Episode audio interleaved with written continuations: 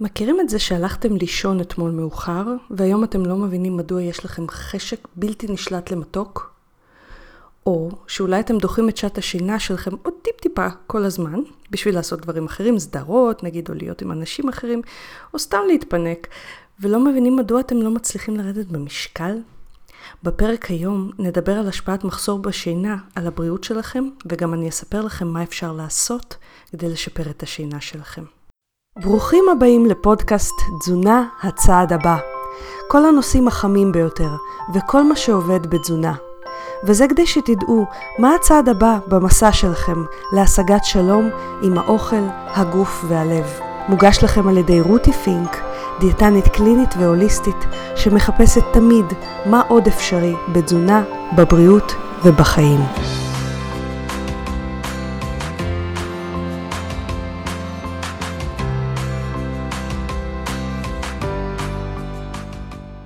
היי חברים, עשיתי אתמול הליכה עם חברה טובה, ויצא לנו לשוחח על שינה. חברה שלי נמצאת במחסור שינה עקבי, בין היתר בגלל שעות עבודה רבות, טיפול בילדים, והרצון בסיום הערב, רצון אנושי לגמרי, בסיום היום והערב הארוך הזה שהיא מבלה, לבלות זמן עם בעלה, לראות סדרה טובה, לקרוא, או סתם להיות עם עצמה אחרי יום גדוש בפעילות, מין להוריד מתח כזה. היא מסוגלת להיות ימים שלמים עם מחסור בשינה, ועדיין לתפקד, פחות או יותר. קצת פחות, אבל עדיין לתפקד. בעקבות השיחה הבנתי שאני, לעומתה, אני אדם די רגיש למחסור בשינה. אם אני ישנה שעתיים פחות נגיד ממה שאני זקוקה לו, אני מיד מתחילה להרגיש הבדל משמעותי. אני פחות מרוכזת, עם פחות סבלנות, אני יותר עצבנית, ובעיקר אני הרבה הרבה הרבה יותר רעבה. למעשה, כששני הילדים שלי, כל אחד מהם היה בתקופת הינקות, כשהייתי מתעוררת בלילה להניק, לשאוב, להאכיל אותם, להרגיע אותם, הייתי בכל תקופה כזו עולה במשקל כמות יפה מאוד של קילוגרמים. וזה ממש לא היה מאכילת לילה, לא הייתי אוכלת בלילות האלה שהייתי מתעוררת. אלא שבמהלך היום עצמו התיאבון שלי היה פשוט בשמיים. עד די כך המחסור בשינה טובה השפיע עליי. למעשה, מחסור בשינה הוא ממש פנדמיה כלל עולמית. יש מצב שהיא הרבה יותר מסוכנת מהקורונה בטווח הארוך. אחרי שתשמעו את הפודקאסט, אה, יכול להיות שגם אתם תחשבו ככה. והפנדמיה הזאת היא לא בגלל שיש הרבה אימהות חסרות שינה וטרוטות עיניים לתינוקות בעולם, אלא בעיקר בגלל סגנון החשיבה המערבי. אנחנו חושבים ששינה זה לחלשים, אתם מכירים את הפתגם הזה? בפועל, כפי שתגלו בפודקאסט הקרוב, שינה זה לגמרי לחזקים, ואתם תהיו חזקים הרבה יותר שנים אם תשנו מספיק. אנחנו חושבים בעולם המערבי שאנחנו צריכים לעבוד שעות ארוכות, ובעקבות שעות העבודה הארוכות שלנו, שעות השינה שלנו מצטמצמות. כשבפועל, ככל שאנחנו ישנים יותר, אנחנו עובדים יותר אפקטיבי, מה שיכול לקצר לנו את שעות העבודה ועדיין להשיג את אותה רמת תפוקה. אנחנו חושבים שאנחנו צריכים למשוך את שעות הערנות שלנו בערב ולעשות דברים שיעשו לנו כיף, כמו לראות סדרות, לנשנש בערב, כשלמעשה כל מה שאנחנו באמת זקוקים לו בשעות האלה זה להניח את הראש על הכרית ולהניח את היום שלנו מאחורה. ובעולם המערבי לא ממש לימדו אותנו מספיק איך לעשות את ההנחה הזו של היום מאחורה. אז כשאנחנו כבר הולכים לישון, חלקנו מוצא את עצמו לא מצליח להירדם מרוב עומס, לא מצליח להירדם מרוב מחשבות, מרוב לחץ, שנוצרו מלכתחילה בגלל מחסור בשינה, שמפחית את היכולת שלנו להירגע. מחסור בשינה קשור אפילו לאחוזי תמותה גבוהים יותר. לאדם שישן פחות משש שעות בלילה, יש סיכון של 13% יותר למות מכלל הסיבות, שזה אומר תאונות, מחלות ועוד, לעומת אדם שישן בין 7 ל-9 שעות שינה בלילה. אז היום אני מזמינה אתכם למסע של בדיקה, מה קורה כשאנחנו לא ישנים מספיק, ובסופו נגיח עם כמה פתרונות. לפני זה אני רק רוצה להגיד לכם שהיום יש שיפוץ היסטרי בבניין שלנו, אז אם יש רעש לוואי, אני מאוד מצטערת על איכות הסאונד. אני מנסה להפחית את הסאונד של השיפוץ הזה בעזרת אה, אפקטים כמה שאפשר. אז בואו נבדוק מה קורה כשאנחנו לא ישנים מספיק. אחד הדברים שמושפעים ראשון ממחסור בשינה הוא התיאבון והצריכה הקלורית. המחקרים מראים, שב... המחקרים מראים בעקביות שמחסור בשינה קשור לעלייה ברעב, בתיאבון ובצריכת מזון. העלייה בתיאבון שנמדדה הייתה בין 14 ל-30 אחוז יותר תיאבון מדווח לאחר מחסור בשינה. ותכף נדבר מה זה עושה בפועל לכמות הקלוריות והאוכל.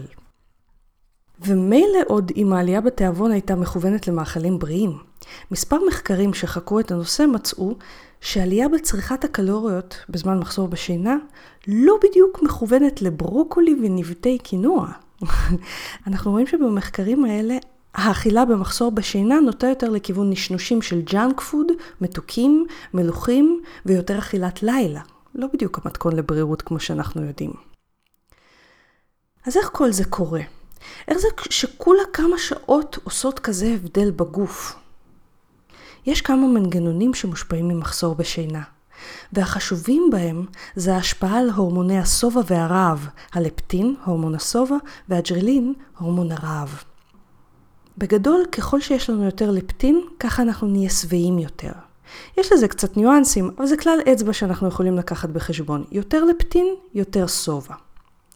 במחסור בשינה נצפתה סביב 20% ירידה בהפרשת לפטין, כשככל שאובדן השינה גדול יותר, קיימת ירידה גדולה יותר בלפטין. ואני מזכירה לכם, לפטין הוא הורמון שמייצר שובע.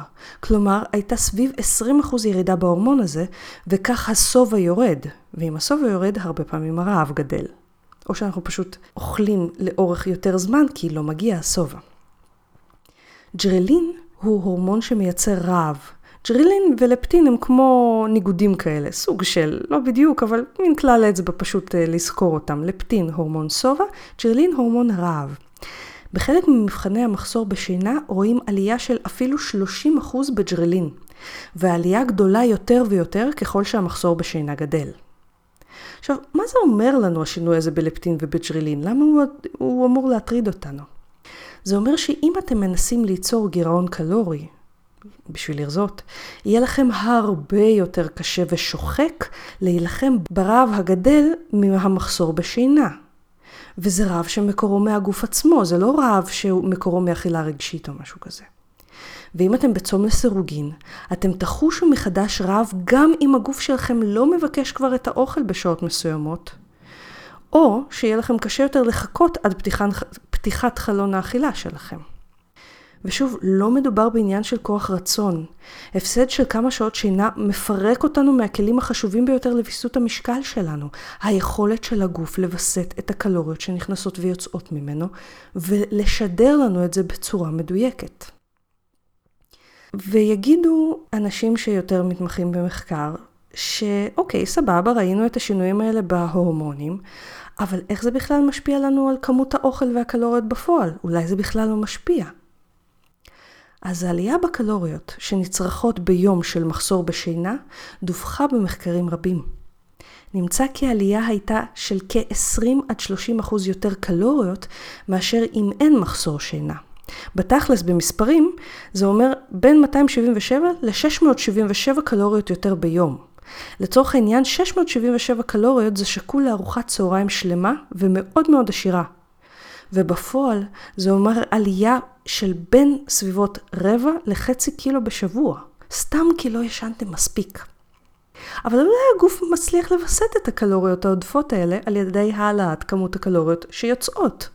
הרי אנחנו יודעים במחקרים שמנסים להשמין אנשים, אנשים שישנו מספיק כמובן, כשכמות הקלוריות עולה, גם ההוצאה האנרגטית של הגוף עולה. בין אם זה בתנועה רבה יותר במהלך היום, בין אם זה בחילוף חומרים מהיר יותר, ובין אם זה בכמות קלוריות שהגוף מוציא פשוט על העיכול של המזון העודף. אולי זה יקרה גם כאן, והמשקל שלנו לא יושפע. אז לפחות 14 מחקרים בדקו את הנושא של ההוצאה הקלורית בזמן מחסור שינה, לעומת שינה מספקת. ורוב המחקרים לא מצאו שיש את העלייה המצופה הזאת בהוצאה האנרגטית לאורך היום, כשאדם לא ישן מספיק, למרות העלייה בצריכת הקלוריות שאנחנו רואים במחסור בשינה. היו מעט מחקרים שמצאו שהייתה עלייה פיצית בהוצאה אנרגטית, אבל העלייה הזאת הייתה חוטה בהרבה מאשר ציפינו במצב כזה של עודף קלורי. אז התוצאה של כל אלה, עלייה בצריכת קלוריות וחוסר שינוי בהוצאה הקלורית. והתוצאה של כל אלה היא מאזן אנרגיה חיובי, כלומר השמנה. במחקר אחד נמצא שרק ארבע לילות של חוסר שינה גרמו לעלייה של 400 גרם במשקל בנשים בריאות. רק ארבע לילות של חוסר שינה. אנשים בינינו מסתובבים עם חודשים של מחסור בשינה. במחקר קטן אחר, חמישה ימים של חוסר שינה יצרו עלייה של 800 גרם, כמעט קילו, במשקל. והעלייה הייתה גדולה יותר אצל נשים מול גברים. ויש אנשים, במיוחד נשים, שמקשיבים ומקשיבות לפודקאסט הזה, שנמצאים במחסור שינה של חמש ימים כל שבוע. לא ככה? ואנחנו מגיעים להשפעה החשובה השנייה עבורנו של השינה, ההשפעה על הסוכר. בין אם יש לכם סוכרת, טרום סוכרת, או שאתם בריאים לגמרי, ההשפעה על הסוכר של מחסור בשינה צריכה לעניין אתכם. כי גם אם אין לכם במשפחה אדם אחד עם סוכרת, עדיין, בעולם המערבי על כל אורח החיים שלנו, הסיכון שלכם לסוכרת גבוה יותר מאשר לדורות הקודמים של המשפחה שלכם. אז זה שבמשפחה לא היה סוכרת לא אומר שלכם לא יהיה. זה אומר שיש לכם פחות סיכוי, אבל עדיין יש לכם סיכוי לא קטן. ואחת הסיבות לכך הוא המחסור הכרוני בשינה בעולם המערבי. אני לא יודעת מה איתכם, אבל אני מודדת את הסוכר שלי בבוקר כל כמה זמן, כי בעבר הוא היה גבוה, ואם יש ימים שאני לא שומרת, הוא חוזר להיות גבוה. אני מוצאת שאפילו לילה אחד של מחסור בשינה מעלה לי את הסוכר בסביבות 15 יחידות, שזה המון, אם תחשבו על זה. זה כמו הבדל בין 90 נגיד, שזה סוכר סביר למדי, וחלק יחשבו אותו כבריא לחלוטין, ל-105, שזה טרום סוכרת. זה הבדל עצום. אבל זה אצלי, אולי אני חד קרן יחיד ומיוחד בנושא הזה. בואו נראה מה המחקרים אומרים. אגב, לכל מה שאני מצטטת צירפתי לינקים בהערות לפודקאסט, רפרנסים. אז גירעון של 4 שעות שינה ביום יוצר ירידה של 24% ברגישות לאינסולין ו-30% בתגובה אקוטית לאינסולין. מה שזה אומר בעצם, זה שהוא גורם לתאי הלבלב שלכם להגיב פחות טוב לפחמימות ולסוכר כשאתם אוכלים אותם, ואתם ביותר סיכון לאכול דווקא את הסוכר והממתקים האלה כשאתם בחוסר שינה, כפי שראינו. זוכרים, חוסר שינה מעלה את הנטייה שלנו לאכול לא איזה קינואה וברוקולי, אלא ג'אנק, ממתקים, מלוחים. אבל כאילו שזה לא מספיק, במחסור בשינה מתרחשים שינויים נוספים שכולם יוצרים עלייה בסוכר. הקורטיזול שלנו עולה, שזה הורמון לחץ, ופעולת המערכת הסימפתטית שלנו, שזה החלק במערכת העצבים שאחראי על תגובת הברח הילחם, מתגברת. כשהמערכת הסימפתטית הזאת מתגברת את הפעולה שלה, נוצרת לנו עלייה באדרנלין על כל תגובות הלחץ שהוא מעורר בגוף שלנו ועל כל הקושי שלנו להירגע. כל אלה מעלים את הסוכר, וזה בנוסף לכך שאנחנו ממילא אוכלים יותר ממנו. זה מתכון טוב להגברת סיכון לסוכרת וסינדרום מטאבולי, אם תחשבו על זה, שזה כולל גם סיכון להתקפי לב, שבץ, דמנציה וכן הלאה. ואם זה לא מספיק, אני מרגישה כמו איזה מבשר אפופקליפסה, אה, אז אם זה לא מספיק, הגוף שלו מתחיל להפריש יותר חומרי דלקת, שזה ציטוקינים פרו-דלקתיים, שזה כבר קשור, קשור לסיכון להרבה מאוד מחלות. הדלקתיות הפנימית שנוצרת מעודף ציטוקינים היא העומדת בבסיס הסכנה בקורונה, אבל גם במיליארד בעיות אחרות, כולל התקפי לב, שבץ, דמנציה ועוד ועוד ועוד ועוד, כל מיני דלקות, מחלות אוטואימוניות וכן הלאה. ואם זה נשמע לכם טררם אחד שלם, כאילו כל מערכות הגוף מתחילות לרוץ לגמרי באמוק, אתם לגמרי צודקים.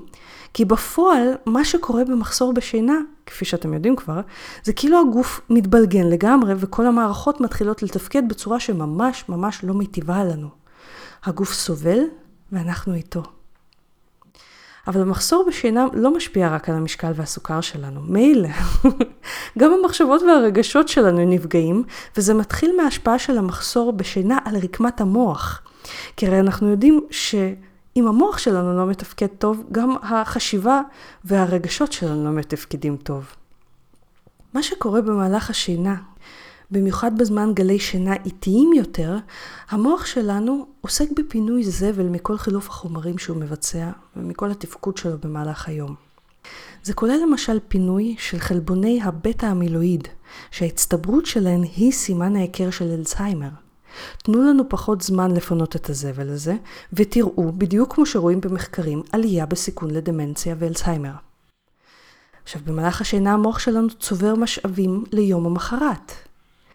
הידעתם למשל שבמוח יש מאגרים של גליקוגן, שזה מאגר הפחמימות של הגוף. הוא קיים בשרירים, הוא קיים בכבד, ובכמות קטנה הוא קיים גם במוח. אז במהלך השינה, המוח צובר בחזרה מהגליקוגן הזה שהוא בזבז במהלך היום, לשימוש כשהוא יצטרך פחמימות במידה ולא יהיו לו במהלך היום. במהלך השינה יש עלייה בהפרשת הורמון הגדילה שמתחזק את הרקמות שלנו ומעודד על ידי נספחים שלו ליצור סינפסות חדשות במוח. החשיבה שלנו תלויה ביצירת סינפסות חדשות במוח. ברגע שאתם מייצרים הרגל חדש זה אומר שסינפסות חדשות או מתחזקות בכמות שלהם או נוצרות במוח. אנחנו רוצים את התהליך הזה קורה. וכשאין לנו מספיק מכל זה, המוח סובל. וכשהמוח סובל, גם הנפש והפסיכולוגיה שלנו סובלת. למשל במחקר מטה-אנליזה מ-2011, אני מזכירה לכם, מטה-אנליזה זה מחקר שמאגד הרבה מחקרים לגוף ראיות אחד ושם אותם על סולם סטטיסטי אחד. אז מטה-אנליזה מ-2011 של 21 מחקרים מצאה כי אנשים שלא היו בדיכאון, אבל היו, אבל היו במחסור בשינה, או בבעיות שינה, הכפילו את הסיכון שלהם לדיכאון לעומת אנשים שלא סבלו ממחסור בשינה או בבעיות שינה. מחקר מ-97 מצא כי אנשים שישנו ארבע וחצי שעות בלילה למשך שבוע אחד בלבד, דיווחו על עייפות, בלבול, לחץ והפרעה כללית למצב הרוח. עכשיו, אני חייבת להגיד לכם, בעיניי זה יפה שהם החזיקו שבוע עם כמות שינה כזו. אצלי זה קורה אחרי יום אחד. מחקר של ז'או ועמיתיו מצא כי רמות העושר המדווח היו ירודות במי שישן פחות. ובמחקר אחר נמצא כי רמת החשיבה החזרתית הייתה גבוהה יותר ככל שכמות השינה הייתה נמוכה יותר. אני אסביר לכם מה זה מחשבות חזרתיות, זה המחשבות האלה שחופרות במוח ולא נותנות מנוח, גם אם אנחנו לא רוצים שהם יבואו. למשל, הרבה נשים חוות מחשבות חזרתיות כמו אני לא מספיק, אני לא בסדר, או המפורסם, אני שמנה. אבל זה הרבה יותר עמוק מזה, כי המחשבות חזרתיות קשורות לדיכאון, לחרדה והפרעות פסיכולוגיות ופסיכיאטריות. OCD למשל, הפרעה אובססיבית קומפולסיבית, זה מחשבות חזרתיות פשוט שרצות בעמק כבר לגמרי. אז כשאנחנו לא ישנים מספיק, החשיבה החזרתית הזאת עולה על כל ההשלכות הפסיכולוגיות והפסיכיאטריות שלה. אז לא רק שהגוף שלנו מכריח אותנו לאכול יותר על ידי ההפרעה בהפרשת ההורמונים מחוסר שינה, אלא גם יש לנו פחות כוחות נפש לעמוד מנגד ולעשות משהו. ולסוכרתיים בינינו, לא מספיק שהסוכר גבוה יותר בימים האלה, אלא שאפילו אין לנו מספיק כוחות נפש לעשות עם זה משהו. ואתם מבינים עכשיו, אנחנו יכולים לדעת הכל בתזונה, לעשות הכל כמו שצריך בתזונה, אבל אם אנחנו לא משקיעים מספיק בלספק לגוף את אחד הצרכים הבסיסיים ביותר שלו, השינה, כל הידע הזה והניסיון הזה יכולים לרדת לטמיון. אז אני מקווה ששכנעתי אתכם עד כמה זה לא רק שהמונח שינה זה לחלשים לא נכון, אלא שמחסור שינה הוא בדיוק מה שיהפוך אתכם לחלשים, פיזית ונפשית. ועכשיו כשאנחנו מבינים את החשיבות של המחסור בשינה, זה הזמן להעריך את סדרי העדיפויות שלנו. כי רוב האנשים מוותרים על שינה לא כי הם רוצים להתעלל בעצמם או למנוע מעצמם צורך בסיסי, אלא כי יש להם סדרי עדיפויות חשובים יותר עבורם. מבחינתם לצורך העניין, לבלות קצת זמן עם עצמם בערב, לעשות את התחביבים שלהם, לבלות עם בני הזוג, זה סדרי עדיפויות לא פחות חשובים מבחינתם מאשר שינה, ואפשר להבין אותם. ולכן אחד הדברים שאני עושה בקליניקה שלי עם המטופלים שמתקשים ללכת לישון בזמן, הוא לבדוק את ההשלכות של הבחירות שלהם על סדרי עדיפויות שלהם. כן, דיאטנית שמתעסקת עם שינה, לא רק עם אוכל, כי זה חלק ממה שיעשה את היכולת שלכם להיצמד לכל סוג של אכילה קל יותר. אז איך אני עושה את זה למשל עם המטופלים שלי? למשל, אם מה שחשוב לך הוא הזוגיות שלך, איך הזוגיות שלך יכולה דווקא להיפגע מחוסר השינה שלך? למשל, אולי תהיה עצבני יותר וחסר סבלנות לבית, לבן או בת הזוג שלך כשאתה ישן פחות. ולעומת זאת, איך הזוגיות שלך יכולה, שלך, נגיד, יכולה להרוויח מהשינה שלך. אולי למשל יהיו לך הרבה יותר כוחות וערנות להיות עם בן הזוג שלך ברמה משמעותית ועם עניין, מאשר להיזרק על הספה בסוף היום וכשהוא מדבר לא להקשיב. אולי תוכל או תוכלי לעזור לבן או בת הזוג שלך או שלך בצורה משמעותית יותר כשיש לך יותר כוחות, בדיוק כמו שהוא או היא מבקשים ממך כשישנת מספיק. זו רק דוגמה אחת לאיך אפשר ליצור את השינוי בסדרי עדיפויות, כשיש דברים שלכאורה באים אחד על חשבון השני. ויש המון דרכים לעשות את זה. NLP מצוין בכך לצורך העניין. מה שחשוב הוא להבין מה הערכים שנפגעים ומה הצרכים שנפגעים, איך השינה פוגעת דווקא עוד יותר בצרכים האלה, כי הרבה פעמים מחסור בשינה פשוט מחמיר את הצרכים האלה. למשל, אם יש לכם צורך להיות לבד בשביל ככה להוריד לחץ או מתח, אם אתם לא ישנים מספיק, יש יותר לחץ ומתח, ואז יש יותר צורך בלהיות לבד, ואז אתם ישנים פחות. וזה מין מעגל כזה שנוצר. אבל מה אם אנחנו באמת מנסים ללכת לישון בזמן, ואנחנו לא מצליחים להירדם בזמן?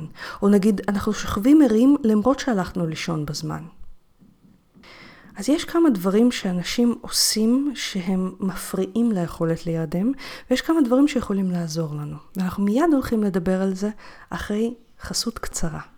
צום לסירוגין הוא מסוג הדברים שבהתחלה נשמעים קיצוניים וממש בלתי ניתנים לביצוע. אבל כשאנשים שומעים את היתרונות של הצום לסירוגין, הם מתחילים לשקול, hmm, אולי זה לא כזה קיצוני אחרי הכל. אז אני כאן כדי לספר לכם שבמחקרים רבים צום לסירוגין הוכח כעוזר להפחתת אינסולין, הפחתת סוכר, ירידה במשקל, הפחתת מינון תרופות שונות, פחות התעסקות עם האוכל, שיפור קוגניטיבי, הפחתת סיכון לסרטן, שיפור בנפיחות במערכת העיכול, עלייה באנרגיה ועוד ועוד. ואני יודעת שזה נשמע לא יאומן, או כמו הפרסומות הזולות האלה לאיזה גלולת קסם שתפתור לכם כל צרה. אבל האמת היא שכל מה שאמרתי עכשיו מופיע בספרות המדעית. הבעיה היא שרוב האנשים שמתחילים עם צום לסירוגין עושים את זה בצורה שמפריעה להם להצליח, מקשה על הדרך ובלי הידע הדרוש, ואז אומרים שזה קשה מדי וזה לא עובד. למשל, הם מתחילים עם פרוטוקול צום לסירוגין שלא מתאים עבור המטרה שלהם. כי יש פרוטוקולים שונים והם מתאימים למטרות שונות יותר או פחות. או אנשים לא יודעים איך להימנע מתופעות הלוואי האפשריות שממש ממש פשוט להימנע מהם, למשל סחרחורת, או עושים דברים שדווקא יוצרים עלייה מיותרת בתיאבון במקום ירידה שלו. כי כן, צום לסירוגין בהחלט יכול להוריד תיאבון. נשמע לא יאמן, נכון? אבל זה רק אם עושים אותו נכון. ואם לא עושים אותו נכון, במקרה הטוב צום לסירוגין לא יועיל, ובמקרה הרע הוא אפילו יכול לסכן אתכם. אז לאחר שנים של עבודה עם צום לסירוגין בקליניקה וחפירה לעומק ולרוחב בנוגע לצום לסירוגין במחקרים, הבנתי שאני חייבת להוציא לאור את הקורס המקיף ביותר בישראל על צום לסירוגין, שייתן לכם את כל הכלים להתחיל ולהצליח בצום לסירוגין.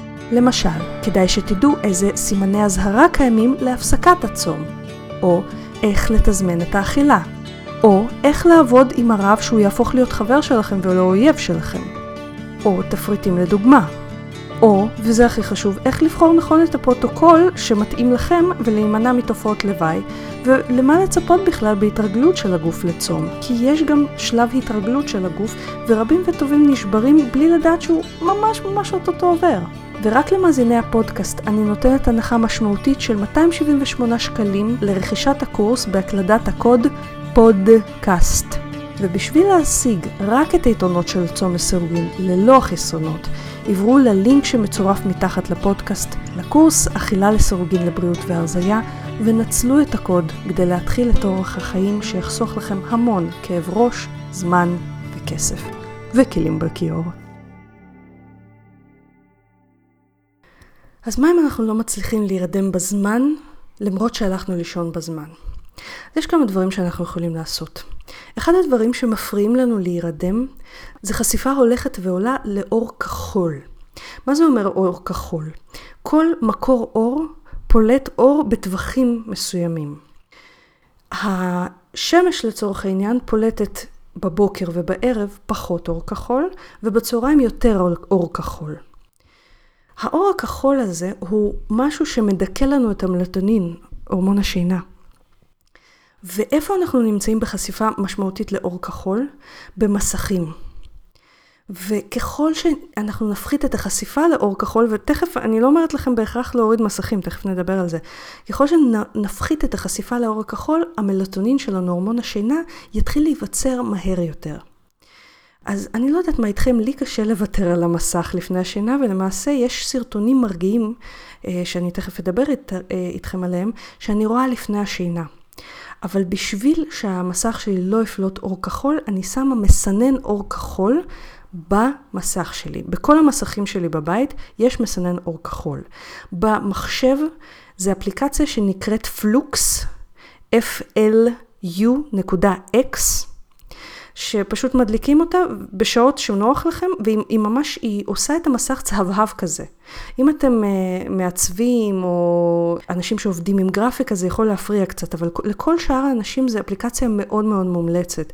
אמנם היא עושה את המסך צהבהב יותר, אבל היא מאפשרת לכם להירדם בזמן. האפליקציה שאני משתמשת בה בפלאפון שלי נקראת Twilight. והיא נהדרת, היא פשוט מצילה לי את השינה. אני, אני כמו שהבנתם, אני נוצר רגישה מבחינת אה, שינויים. אז אה, כשאני, נגיד, אה, עם מסך מאוד מאוד חזק ואור בלי הסינון הזה לפני השינה, זה אשכרה מפריע לי להירדם. אז f.lux או Twilight, אלה אפליקציות שאני ממליצה לכם להתקין כבר עכשיו. אם אתם רואים טלוויזיה, אפשר לקנות באמזון או באתרים נוספים משקפי חסימת אור כחול, אה, Blue Light אה, Blocking Glasses זה נקרא, ולהשתדל להשתמש יותר בתאורה צהובה ולא תאורה לבנה, או תאורת אור יום. תאורת אור יום היא גם תאורה עם אור כחול יותר. עכשיו, זה משהו שהוא ברמה הפיזיולוגית. עוד משהו שהוא ברמה הפיזיולוגית זה עקביות בשעות השינה. אם יום אחד אה, אני הולכת לישון נגיד ב-11, אבל רוב הימים אני הולכת לישון ב-1, אז ב-11 אני אתקשה להירדם. לעומת זאת, אם כל יום אני אלך לישון ב-11, הגוף שלי יתחיל, אצל רוב האנשים, הוא יתחיל להבין, אה, אה כדאי ללכת לישון ב-11, והוא יתחיל להפריש לכיוון הזה את ההורמון השינה, ואנחנו נהיה עייפים יותר ויהיה קל לנו יותר להירדם. עוד משהו שאני יכולה להמליץ לכם זה משהו שנקרא היגיינת שינה. זה איזשהו לו"ז קבוע שהמטרה שלו היא ליצור הירגעות ומניעת עוררות. אצלי למשל הלו"ז הולך ככה, מקלחת, ספרים בטל... בפלאפון עם מסנן אור כחול, או ספרים אמיתיים, וסרטונים מרגיעים, ושעה מסוימת שאני תמיד במיטה. שהפואנטה של כל אלה היא הורדה של אדרנלין כמה שיותר. עכשיו, הסרטונים המרגיעים האלה שאני רואה נקראים ASMR. זה סרטונים, יש ASMR זה עולם. זה כל מיני צלילים מרגיעים, מראות מרגיעים וכן הלאה. לא כולם זה פועל עליהם. עליי זה פועל למזלי הטוב. זה פשוט סרטונים כאלה של uh, שטיפת מוח בלי לחשוב על שום דבר. שבהם אני שומעת צל... אישית צלילים מרגיעים, רואה כל מיני חיתוכים של חול מרגיעים. זה באמת, זה לא איזה משהו מאוד מאוד חכם, אבל המטרה שלכם היא לא להיות סופר חכמים לפני השינה, אלא להירגע. אני עושה גם מדיטציה, אני משתדלת ברוב הימים, אני עושה מדיט... מדיטציית מיינדפולנס, בתוך שבע דקות היא כבר מורידה לי את המנוע להילוך נמוך יותר. אה, משהו שמאוד אני ממליצה לעשות. אפשר למצוא המון מדיטציות מונחות ביוטיוב.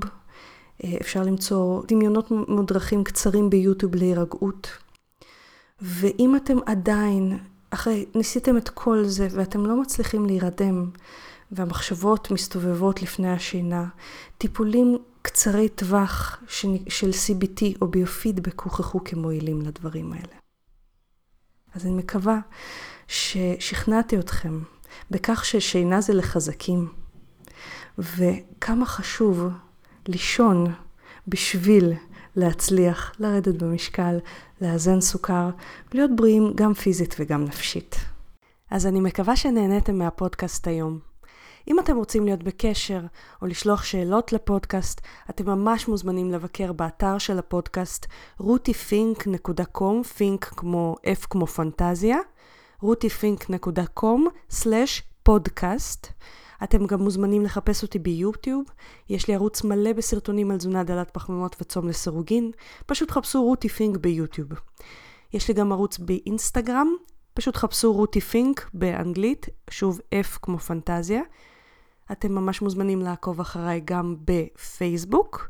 אתם יכולים לחפש אותי פשוט בעברית, רותי פינק, או להיכנס לאחת משתי הקבוצות שאני מנהלת, דלי פחמימות ישראל, והקבוצה צום לסירוגין עם רותי פינק. ואנחנו נשתמע שבוע הבא. תודה שהקשבתם לפודקאסט תזונה הצעד הבא. אני מקווה שנהניתם. חשוב להדגיש שהמידע בפודקאסט מוענק לצורכי העשרה בלבד, והפודקאסט לא מהווה בשום צורה תחליף לייעוץ או טיפול אישי. בכל בעיה רפואית או נפשית יש לפנות למטפל מוסמך. ואנחנו ניפגש בעוד שבועיים.